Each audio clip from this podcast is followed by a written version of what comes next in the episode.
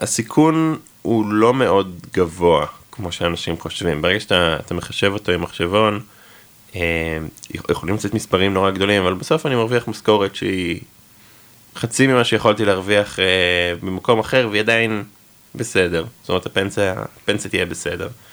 אה, ואם אני עוד שנתיים אתחרט, אני לא חושב שזה ייקח אותי אחורה אה, במגוון התפקידים שאני אוכל אה, למצוא לעצמי. אתחרט, כלומר, אה, החברה לא תצליח, או משהו בסגנון הזה, לא שאני חושב שזה מה שיקרה, אבל אה, אם, אם יקרה והחברה תיכשל, אז... אה, אני פשוט אמצא עבודה אחרת, ואני חושב שיהיה נחמד, אבל מה, מההיכרות שלי עם אה, יזמים אחרים שהרימו חברה שלא המריאה, הם בדרך כלל חוזרים לעשות עוד אחת. אז, אז הם לא מתחרטים. היום בפרק ערכנו את ליאור יערי, שסיפר לנו על הדרך המעניינת שעבר מעיסוק בסייבר בחיל המודיעין להקמת חברת סייבר באזרחות. אין ספק ששווה האזנה. הפרק של היום הוקלט באמצע שנת 2021, ממש כשהחברה סיימה לגייס את סבב הגיוס הראשון שלה, של 6 מיליון דולר. היום, כשנתיים לאחר מכן, באוגוסט 2023, חברת הסייבר Grip Security גייסה 41 מיליון דולר. החברה שהקימו ליאור יערי, אלון שנקלר ועידן פאסט גייסה עד כה 66 מיליון דולר.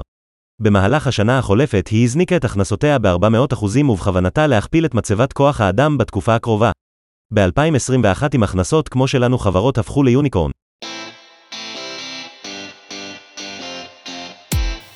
אתן מאזינות ואתם מאזינים ל-Open for Business, הפודקאסט של מועדון היזמות של האוניברסיטה הפתוחה. אני מרום גולדשמיט, בוגר תואר ראשון בהנדסת תעשייה וניהול ותואר שני במנהל עסקים, שניהם באוניברסיטה הפתוחה. אני גם אחד מהמנהלים של מועדון היזמות בתוכנית למנהל עסקים של האוניברסיטה הפתוחה. העורך שלנו היום ב-Open for Business הוא ליאור יערי. אפשר לומר שלליאור הייתה זיקה לעולם הסייבר מאז ומעולם. הוא התחיל את הדרך בקורס קדם צבאי שמכין לשירות צבאי במחשבים וסייבר, והמשיך במסלול צבאי של קרוב לשבע שנים בחיל המודיעין. במהלך השירות הוא סיים בהצטיינות גם תואר במדעי המחשב באוניברסיטה הפתוחה, ולאחר מכן עבד קרוב לארבע שנים באזרחות בחברות שונות בתחום הסייבר וחקר אבטחת מידע. בתחילת 2021 הקים את חברת הסייבר Grip Security, שעוסקת באבטחת מידע בענן, וכל זה לפני גיל 27. ליאור, ברוך הבא לפודקאסט. תודה רבה, אני שמח להיות פה. תענוג אה, שאתה כאן איתנו. אה, לפני שמה שנקרא ניגע בעומקם של הדברים, אני רוצה שנעשה את השאלון הקבוע שלנו כאן בפודקאסט ונכיר אותך טיפה יותר לעומק. אני אשמח אם תוכל לספר לי בבקשה על שני רגעים מהחודש האחרון, אחד חיובי ומשמח והשני אה, אולי מאתגר ושלילי.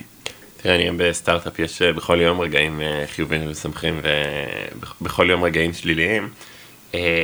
שניים משמעותיים, הרגע הכי משמח שהיה לי החודש, שמעתי שקבוצה מהעובדים שלי בסטארט-אפ, אנשים שלא הכירו אחד את השני לפני שלושה חודשים, החליטו לקחת את החופש ביחד בחגים ולטוס ביחד לחו"ל. וסביב זה גם היו, לא, לא סביב זה, אבל היו גם רגעים פחות טובים, היו לנו לקוחות שביטלו ברגע האחרון, ומועמדים שהחליטו לא להצטרף לחברה, אבל זה, זה הכל חולף. כן, וזה גם אה, חלק בלתי נפרד מהחיים ומהמשחק ומה, הזה שאנחנו משחקים מהרגע שאנחנו נולדים. אה, אוקיי, בסדר גמור, מעניין. יש אה, משהו מהתקופה האחרונה שהיית עושה אחרת אם היית יכול? זה, שוב, קורים המון דברים בחיים שלי לאחרונה, אבל אני מאוד מרוצה מ, מכל ההחלטות שקיבלתי עד עכשיו, ואני חושב ש... so far so good, אז אני לא, לא מתחרט, לא מסתכל אחורה. אוקיי, okay, fair enough. תגיד ליאור, יש אה, משהו שאנשים לא יודעים עליך והיית רוצה שידעו? אה, אתה מתחיל עם שאלות קשות, דברים ש... כי אחרי זה הכל יהיה הרבה יותר קל בהשוואה, אז... אה, לא משהו שעולה לראש באופן מיידי, אז... אני לא מדבר על השלדים בארון, כן? או על הגופה בת המטען, זה יכול להיות גם משהו יותר... אנשים בקהל, אתה אומר, אלה שלא מכירים אותי עדיין. כן. אז אחד הדברים שהתפספסו בהקדמה, אה, שזה חלק אה, מהותי גם בסיפור שלי וגם בקריירה, אה, זה ששנה האחרונה לפני הסטארט-אפ העברתי בתור CTO בקרן הון סיכון YL Ventures, שזה בעצם קרן שמשקיעה בסטארט-אפים בתחום הסייבר בישראל, ואני בתור CTO בקרן, כחלק מצוות ההשקעה, העברתי שנה בלהעריך צוותים שמנסים לגייס כסף לרעיונות בתחום הסייבר, ובלעשות מחקרי שוק ביחד עם לקוחות אמריקאים גדולים. על כל מיני בעיות שונות שיש בעולם, ו- ו- ומתוך הפרספקטיבה הזאת בסוף הגענו להקים את Grip Security, אה, אז נראה לי שזה פרט, פרט חשוב. אז אה, כן, אנחנו גם אה, נגיע לזה ולכל הדרך שעברת עד Grip Security, ולמעשה ל-YL Ventures יש חלק מהותי, תכף נבין גם למה. אבל בינתיים נעשה כמה שאלות קצרות, ואז מה שנקרא ניגש לעניינים. כמה זמן לוקח לך להתארגן בבוקר? יותר מדי. זאת אומרת להתארגן, כי אם אתה סופר את לקום מהמיטה זה 40 דקות ובלי זה אז 5. כן, באמת זה החלק הכי קשה גם עבורי, אני חייב להסכים איתך פה. חתול או כלב? חתול. גלידה ונילה שוקולד? שוקולד. היה לך כאן איזה דילמה. כן, חשבתי על מה אכלתי בשבועות האחרונים, שוקולד. בסדר גמור. קיץ או חורף? חורף. מקום מושלם לחופשה בחו"ל? כל אחד. אה, מקסיקו? אוקיי, בסדר גמור. כל אחד יכול להיות גם מלון בנתניה, אתה יודע, כאילו, זה, זה לא חו"ל, אבל אה, נגיד סיני. אוקיי, נראה לי כיף בסיני, זה מה שהם מספרים. הבנתי, אז uh, בהקשר של חו"ל אין באמת uh, סטנדרטים, העיקר שזה יהיה uh, רגיעה. כן. עכשיו, ספר לי במשפט אחד מי זה ליאור יערי. אנחנו עדיין במגמה של השאלות הקשות. כן, לגמרי. אמ, צריך לא, לא להישמע שחצן ולא להישמע מוזר, זה, זה קשה. אתה יכול לשמוע שחצן ומוזר להגיד שני משפטים ואחד מהם אני אוריד בעריכה, סתם. לא, לא, אני מעדיף... אין, אין לי uh, one liner uh, שאיתו אני מציג את עצמי. אני, אני אוהב uh, לעשות דברים uh, מעניינים שמרגישים לי לא טריוויאליים, uh, ושמח מהאנשים uh, שאיתי לאורך הדרך. יפה, אפשר לשים את זה על uh, סטיקר, את המשפט הזה. טוב, אז תודה על התשובות. אה, בוא תספר בכמה מילים מה מעסיק אותך בתקופה הזאת. אני מניח שחוץ מהעיסוק ב Grip Security, החברה שהקמת, אין לך זמן לשום דבר אחר. אין לי קשב לשום דבר אחר, זה אפילו לא שאלה של זמן. אה, יותר מזה שסטארט-אפ בסוף זה קצת אה, שואב באופי שלו.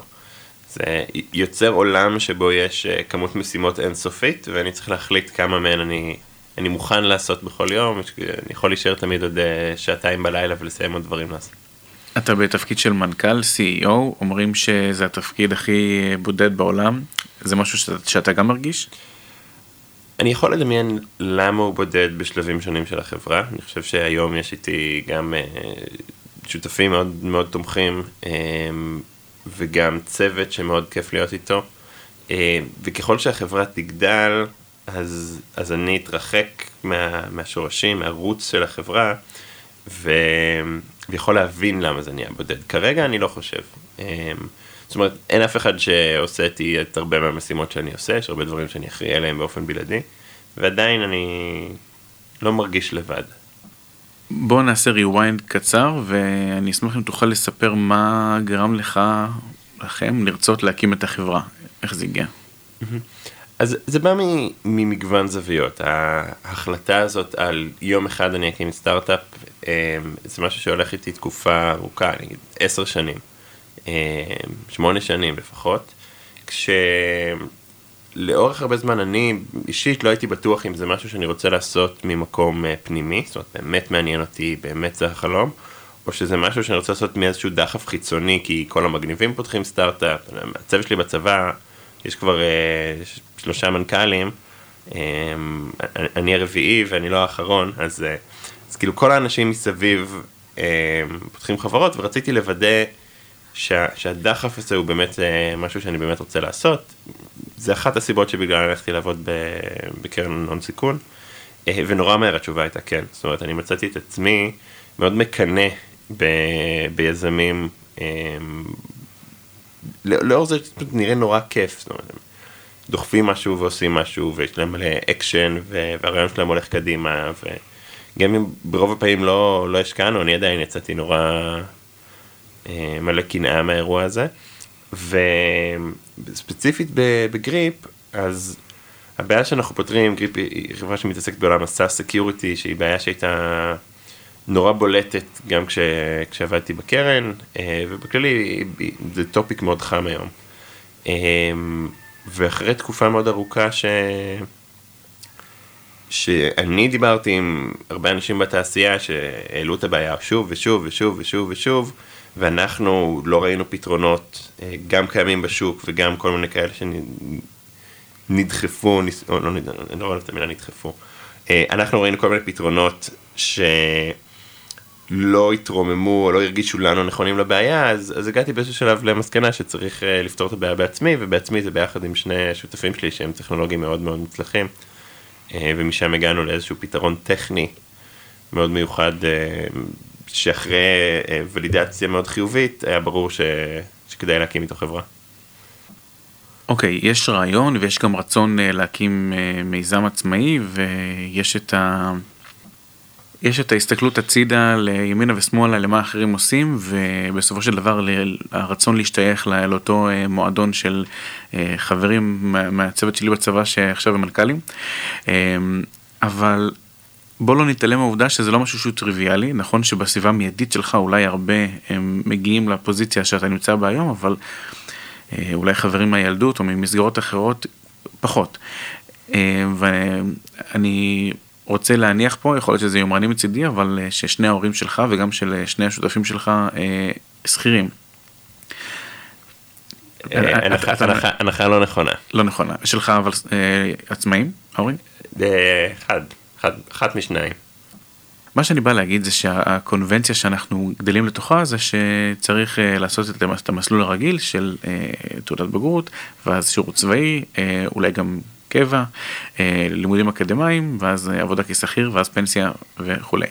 Uh, היה לך פשוט להשתחרר מהכבלים המחשבתיים האלה?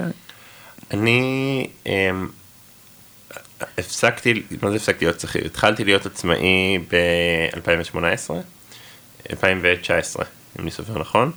אמ, כשבאיזשהו שלב, גם כשעבדתי כשכיר, הרגשתי שיש לי הרבה יותר מדי זמן פנוי ורציתי לקבל יותר שליטה על מה אני עושה ביום יום. אה, ואז פתחתי חברת ייעוץ, אמ, שהיה נורא כיף בעד, אה, עד שהתחילה הקורונה, זאת אומרת, הקורונה הייתה גם הרגת הייעוץ, גם הייעוץ שעשיתי היה ספציפית לפרויקטים בחו"ל, ואז... אה, ואז הקורונה הרגה, הרגה גם את הטיסות, אבל אמ, אני, אני לא חושב שזה מסלול שמאוד קשה להשתחרר ממנו, זאת אומרת להיות עצמאי זה מפחיד בחודש הראשון ואחרי זה זה נהיה נורא כיף, אמ, חוץ מכשלא הולך ואז אפשר תמיד לחזור שכיר. כן, אה, טוב לפחות מבחינת הזמן הפנוי שאמרת שהיה לך זה טופל אני מבין. מטופל. בסדר גמור. היית אבל יכול אה, לצאת למסלול אחר, אוקיי? אה, אמרת קודם שאתה לא בהכרח מתחרט על אה, דברים שקרו לאחרונה, אבל בתחום שלך, של סייבר, של חקר סייבר, של ייעוץ סייבר ובכלל כל הנושא של אבטחת מידע והייטק, אה, היית יכול בקלות להגיע ל... לקריירה, לאפיקי קריירה מאוד מאוד רווחיים, שלא היית צריך לדאוג לשום דבר, והיה לך גם זמן פנוי לתחביבים, לכל דבר אחר שהיית יכול אה, לחשוב אה, ולדמיין. אז למה לא את זה בעצם? זו שאלה מצוינת, אני הרבה פעמים מתייעצים איתי אה, כל מיני אנשים שמשתחררים מה, מהשירות ומחפשים אה, למצוא את העבודה הראשונה שלהם בתעשייה.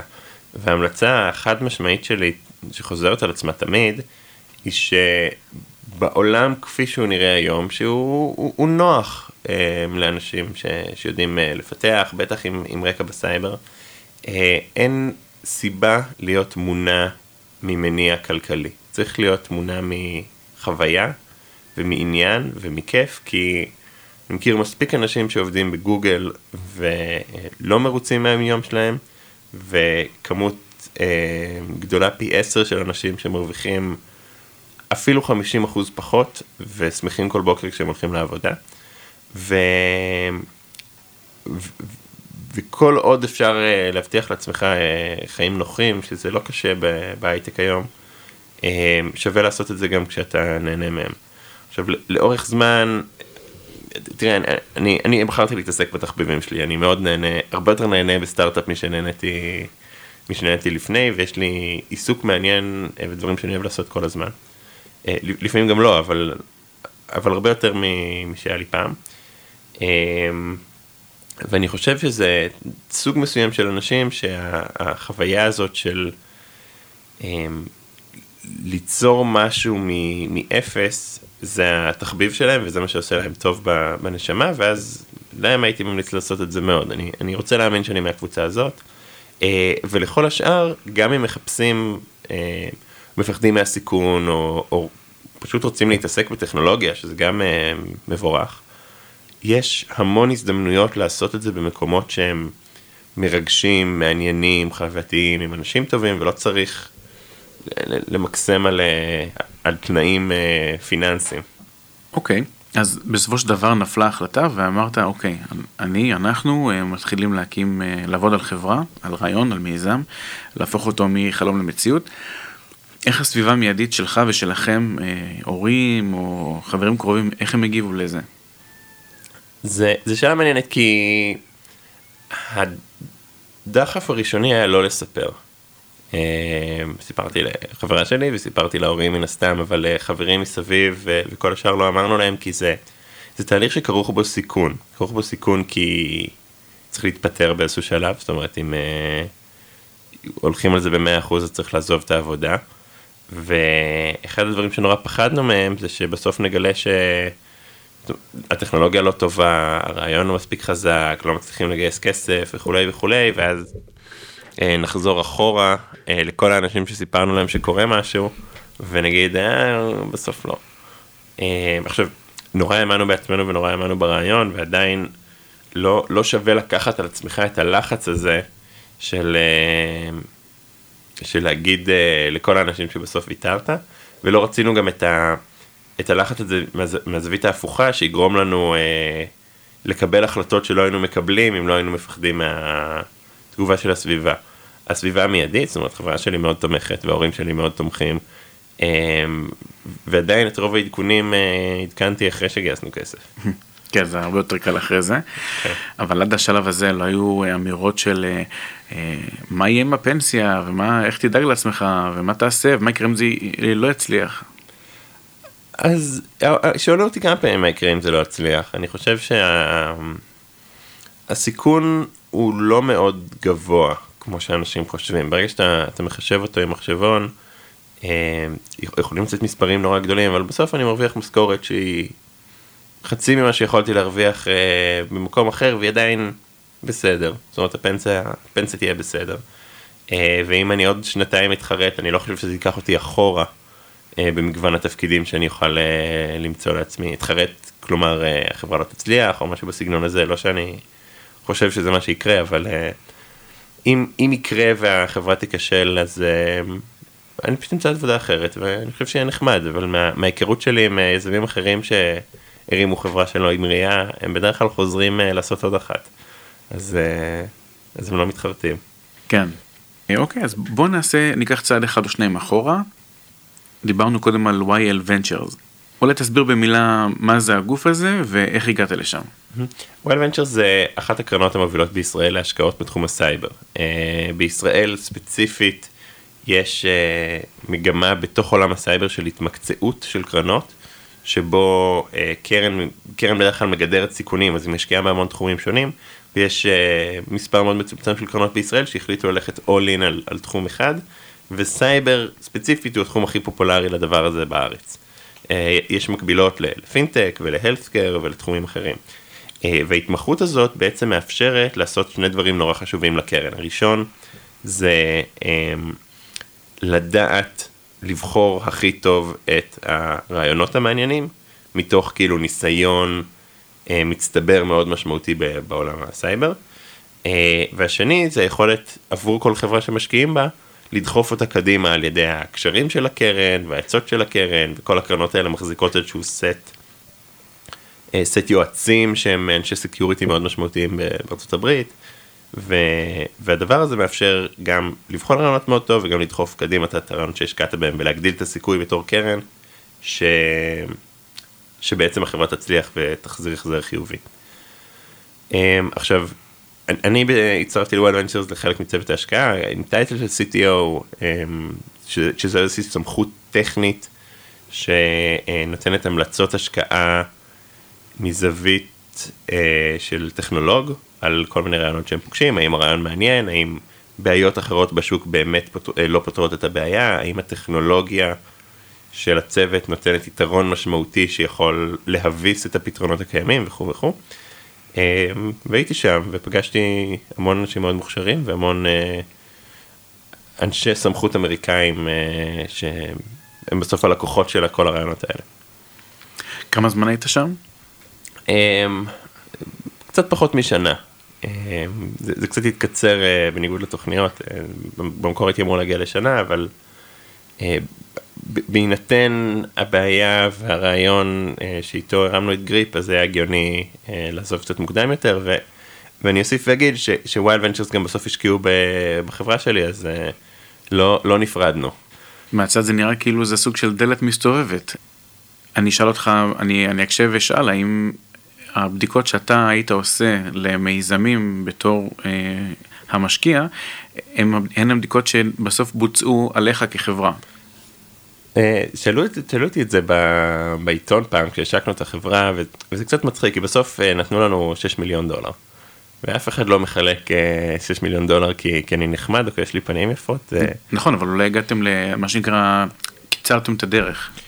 אמ, אנחנו דיברנו עם 16 סיסואים, Chief Information Security Officer של כל החברות הכי גדולות בארצות הברית, וזה, וזה וולמארט ובנק אוף אמריקה וחברות ענק לפני שהרמנו את החברה, את החברה שלנו, או לפני שמישהו הסכים להיפגש איתנו כדי לדון על אה, האם נותנים לנו כסף. האם היה לי נוח יותר מהממוצע? התשובה היא כן, כן. אה, אני מכיר את התהליך, אני מכיר את האנשים, אה, לא רק את האנשים בקרן, גם את האנשים בצד השני, את כל האנשים מהחברות השונות, וכי בדרך כלל המספר הוא נמוך יותר, כן, אנחנו, אני חושב שזה היה כמות השיחות הכי גבוהה שעשתה הקרן לפני שהשקיעה בחברה ולא הפוך. אבל הרבה מזה נובע כי אני, הייתה לי את הפריבילגיה או את היכולת לעשות, לעשות בדיקות חצי פרטיות, זאת אומרת, אה, לקבל access לאנשים מאוד בכירים, ו... ולא להיות במאה אחוז במוד של אה, מבחן. העבודה ב-YL Ventures בקרן הון סיכון עזרה לך להתחיל את הדרך האישית שלך כיזם? מאוד. באיזה אופן? בהמון אופנים. אה, בסוף כחלק מהקרן אתה חשוף להמון דברים שקורים בהמון חברות סטארט-אפ שונות בשלבים שונים. זאת אומרת מסטארט-אפ שרק גייס את הכסף אה, לסיבוב סיד, עד חברות שעברו את הווליואציה של אה, מיליארד דולר, ומתוך הזווית הזאת והשיח היומיומי על מה קורה בחברות ואיך הן מתמודדות עם דברים, אה, רואים המון דברים מעניינים ואפשר, כאילו יש המון מקום ללמוד ממנו. זה אחד. אה, צד שני, זה מאוד מלמד על איך אה, לעשות אבליואציה נכונה, לא אבליואציה, אה, איך לעשות אה, ולידציה נכונה לרעיונות ולבעיות. אמ, בסוף הרבה מאוד צוותים בישראל שניגש, שניגשים אה, להקים חברה, יש להם יכולת טכנית ואישית מאוד חזקה, אבל אין להם את הניסיון בלבדוק האם רעיון הוא רלוונטי, או לבחון אותו לפי הכלים הנכונים אה, שנותנים להם תשובה להאם הם בכיוון הנכון. אה, ומתוך הקרן יש, זאת אומרת, מתוך הקרן גם בלראות אנשים אחרים עושים את זה וגם בלשמוע בסוף את הלקוחות נותנים פידבק אה, אפילו לא פורמלי, זאת אומרת פידבק פרטי אלינו ולא לצוות עצמו על מה הם אהבו ולא אהבו ואיזה שאלות הם היו צריכים לשאול ולא שאלו וכולי וכולי, אה, מלמד אותך לשאול את השאלות הנכונות. אה, יש איזה כוכבית, זה גם אה, מלמד אותך איך, איך לגייס כסף ואיך אמור להיראות סיבוב, אבל זה אפשר לקרוא באינטרנט במסמך של אה, עמוד וחצי, לא צריך אה, לבלות שנה בקרן סיכון בשביל זה. כן, אין ספק. חלק מהעבודה בקרן הון סיכון זה לאחר השקעה בחברה גם ללוות אותה. אה, באיזה אופן YL Ventures ליוו את Grip Security בתחילת הדרך? אה, לא רק בתחילת הדרך, גם, אה, גם הרבה אחרי, אבל אחד הדברים הקשים לחברה צעירה הוא, הוא לפגוש לקוחות. זאת אומרת, צריך לפגוש לקוחות ולשכנע אותם להפוך במה שנקרא design partner, בסוף למצוא איזושהי חברה. שמוכנה לתת לך את ה-Live environment וה-Live data שלה, ולאפשר לך להריץ את המוצר שלך כדי לפתח פיצ'רים, שהרבה פעמים אי אפשר להכין במעבדה. במעבדה, כלומר בסביבה של החברה עצמה, אלא צריך לראות איך נראית סביבה של לקוח בשביל זה. אה, וזה קשה, זאת אומרת קשה להגיע לפגישות, וגם כשיש פגישות קשה לשכנע אותם. אה, ואחד הדברים הכי משמעותיים ש... שעבודה עם הקרן אה, מאפשרת לנו היא להגיע להמון לקוחות בצורה מאוד נוחה. זאת אומרת ב scale שהוא בלתי נתפס.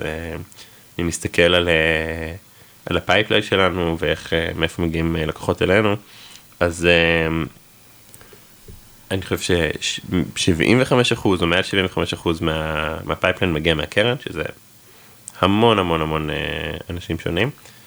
אה, וזה אה, מכפיל כוח אדיר לחברה, בסוף אנחנו עובדים היום עם מותגים אמריקאים ענקיים, שלא לא היינו יכולים להגיע אליהם לבד, וגם אם היינו מגיעים, האמון שלהם בנו היה נראה שונה אם לא היה מאחורינו איזשהו גב של brand שהם מכירים. אמ, אז זה דבר אחד, הדבר השני ש, שעושים בשבילנו זה כל אה, הניהול של ה marketing, זאת אומרת ל YL Ventures יש צוות marketing שתפקידו הוא לעזור לחברות סטארט-אפ צעירות בתחום הסייבר, אה, כי, כי תפקיד ה marketing בחברה הוא בדרך כלל משהו שנכנס אה, שנה פנימה, שנה וחצי פנימה, וחברה כשהיא צעירה לא, לא יכולה לעשות את זה לבד, אמ, ובזה הם היו מאוד טובים ומאוד עזרו לנו. ומגוון בעיות אחרות שיש לי ואני צריך להתייעץ איתם ולדבר עליהן, אומרת, לי, יש לי אוזן קושבת תמיד. יפה, זה אגב משהו שאולי הרבה יזמים לא בהכרח מודעים לפני שהם נכנסים לזה. קרן הון סיכון היא למעשה שותף לדרך לכל דבר ועניין, ולא רק אה, ההורה שמביא דמי כיס, אלא ממש אה, מישהו שהולכים איתו יד ביד אה, אל עבר השקיעה של האקזיט. ובואו נדבר לרגע על אסטרטגיית יציאה, exit strategy. בסופו של דבר אה, קרן הון סיכון משקיעה לא בגלל העיניים היפות, אלא בסופו של דבר כדי לראות מזה כסף. אה, אז אני אשאל שתי שאלות, האם לפי מה שאתה יודע יש איזה, יש ציפייה מסוימת אה, מהקרן ש, שיהיה אקזיט מסוים, או שמבחינתם מה שנקרא, יש לך carte blanche אה, להמשיך קדימה, ומבחינתך אישית, אה, האם היית מעוניין באקזיט? אני, אני מניח שהתשובה הטריוויאלית היא כן, ברור, כי, כי כסף ו bling bling ולמה לא, אבל מה, בוא, בוא נדבר על זה טיפה. אני חושב שהשאלה צריכה להיות מנוסחת אה, הפוך, האם אתה מעוניין באקזיט ולא הקרן רוצה שתמשיך קדימה לנצח? כי אני חושב שהמצב היום בשוק הוא שקרנות, בטח המצליחות שביניהן, רוצות לבנות יוניקורנים. אמ, גם בשביל ה reputation ומן הסתם גם בשביל הכסף. אמ, ואחת החששות שיש לקרנות וגם לנו אה, זה שיזמים אה, שמעלים בפניהם אפשרות לסטטוס אמ, כלכלי מאוד משמעותי, זאת אומרת גם אקזיט אה, של 50 או 70 מיליון דולר הופך את היזמים בסטארט-אפ למיליונרים, הוא לא בהכרח הופך את הקרן למאוד עשירה. ואחד החששות הוא שמהפיתוי לצאת ברגעים האלה, יזמים ימכרו את החברה בזול שיש לה פוטנציאל להיות אה, חברה ענקית. אז אחד הדברים ששאלו אותנו, ואנחנו, ואני כשהיינו, כשהייתי בקרן הייתי שואל יזמים אחרים, זה מה, מה באמת המטרה שלכם? אם המטרה היא להפוך למיליונרים, זה בדרך כלל סיגנל שלילי לקרנות, כי להפוך למיליונר אתה יכול בשלב מאוד מוקדם של הסטארט-אפ. אמ, ומה שאנחנו מחפשים, זאת אומרת לא, לא שאתנגד לאיזושהי רווחה או הצלחה כלכלית משמעותית, אבל בסוף אני מחפש לעשות משהו גדול. וכל עוד החברה מצליחה ויש לה אופק חיובי ו projection חיובי, אני חושב שלעשות אקזיט היא מטרה מאוד מיידית, שבדרך כלל גורמת לך לפספס את הפוטנציאל של החברה. אמ, אז מי, מי שדוחף ל, ל, להמשיך לרוץ זה דווקא, דווקא המשקיעים ובדרך כלל לא, לא הפוך. אמ, כי, כי יש איזשהו קסם בלמכור את החברה, להוריד הילוך, לנוח, לקבל מלא כסף, וצריך uh, להזכיר ליזמים שאם um, הם ימשיכו לרוץ אז הם יגיעו גבוה יותר. אז uh, אם אנחנו נמשיך את הנקודה הזאת, יש לך טיפ נוסף ליזמים בתחילת הדרך? יש לי הרבה טיפים ליזמים בתחילת הדרך. אה, אני, אני מבלה כמה שעות בשבוע מלשבת עם צוותים ש, שרוצים להתייעץ על, אה, על, על מגוון דברים. אה, טיפ מספר אחד לסטארט-אפיסטים ומה שלמד, ידעתי מראש אבל גם למדתי על בשרי.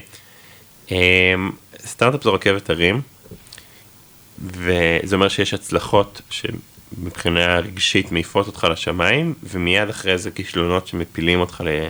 ליומיים, אתה לא רוצה לצאת מהמיטה. ו... והדבר הזה לא מאוד בריא לנפש, זה מטלטל אותך באיזושהי סקאלה שאתה לא רגיל אליה. מה שאני אני תמיד ממליץ זה לזכור שאם קורה משהו עצוב, צריך לא, לא להתייחס אליו 48 שעות. זאת אומרת, לא, לא להתרגש, לא להתבאס, כי ה-chances are זה שב-48 שעות הבאות יקרה משהו equally משמח, שיגרום לך לשכוח את הדברים הרעים שקרו אה, שבוע שעבר. אה, ביטלו לנו פגישה שעתיים לפני שהתחילה עם אה, לקוח שהיה יכול באמת להעיף לנו את החברה פי מאה כאילו קדימה. והוא ביטל מסיבות טכניות, זאת אומרת, היה צריך לדחות את הפרויקט בשלושה חודשים. התבאסנו נורא, ואז 24 שעות אחרי זה חתמנו עם אחד אחר, והכל בסדר. ובהתחלה התחלה לא הייתי לוקח את זה ככה, בהתחלה הייתי, כשהיו קוראים דברים מבאסים, הם היו מבאסים מאוד. אה, וחבל, בזבזתי, בזבזתי רגשות. בוא נגיד שהשקעת את הרגשות ובזבזת אותם כי בסופו של דבר יצרת לעצמך את המנגנון של ההתמודדות שהיום אתה, אה, היום הוא משרת אותך נאמנה. רק צריך לדעת, צריך לדעת שזה הולך לקרות, זה, בגלל זה זה העצה, כי, כי כולם התבאסו וקשה לעשות את זה, זה, אבל לדעת שכולם חווים את זה גם וששווה לא להתרגש. כן, אחת האנלוגיות שאני אוהב להעלות בהקשר הספציפי הזה זה הקרחון של 90% אה, אכזבות ומפחי נפש ו-10% שבשבילם היה כל השאר שווה את זה מה שנקרא. כן.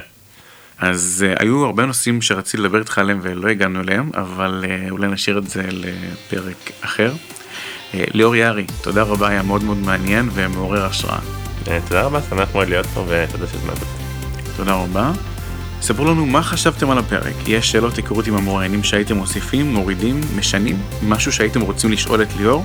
ספרו לנו בקבוצת הפייסבוק שלנו, מועדון היזמות של האוניברסיטה הפתוחה, הקבוצה. לינק לקבוצה נמצא בתיאור הפרק. אתם האזנתם לפרק נוסף של Open for Business, הפרק הוקלט באולפני האוניברסיטה הפתוחה בכפר הירוק, על הסאונד אורי דגני. תודה ונשתמע בפרק הבא.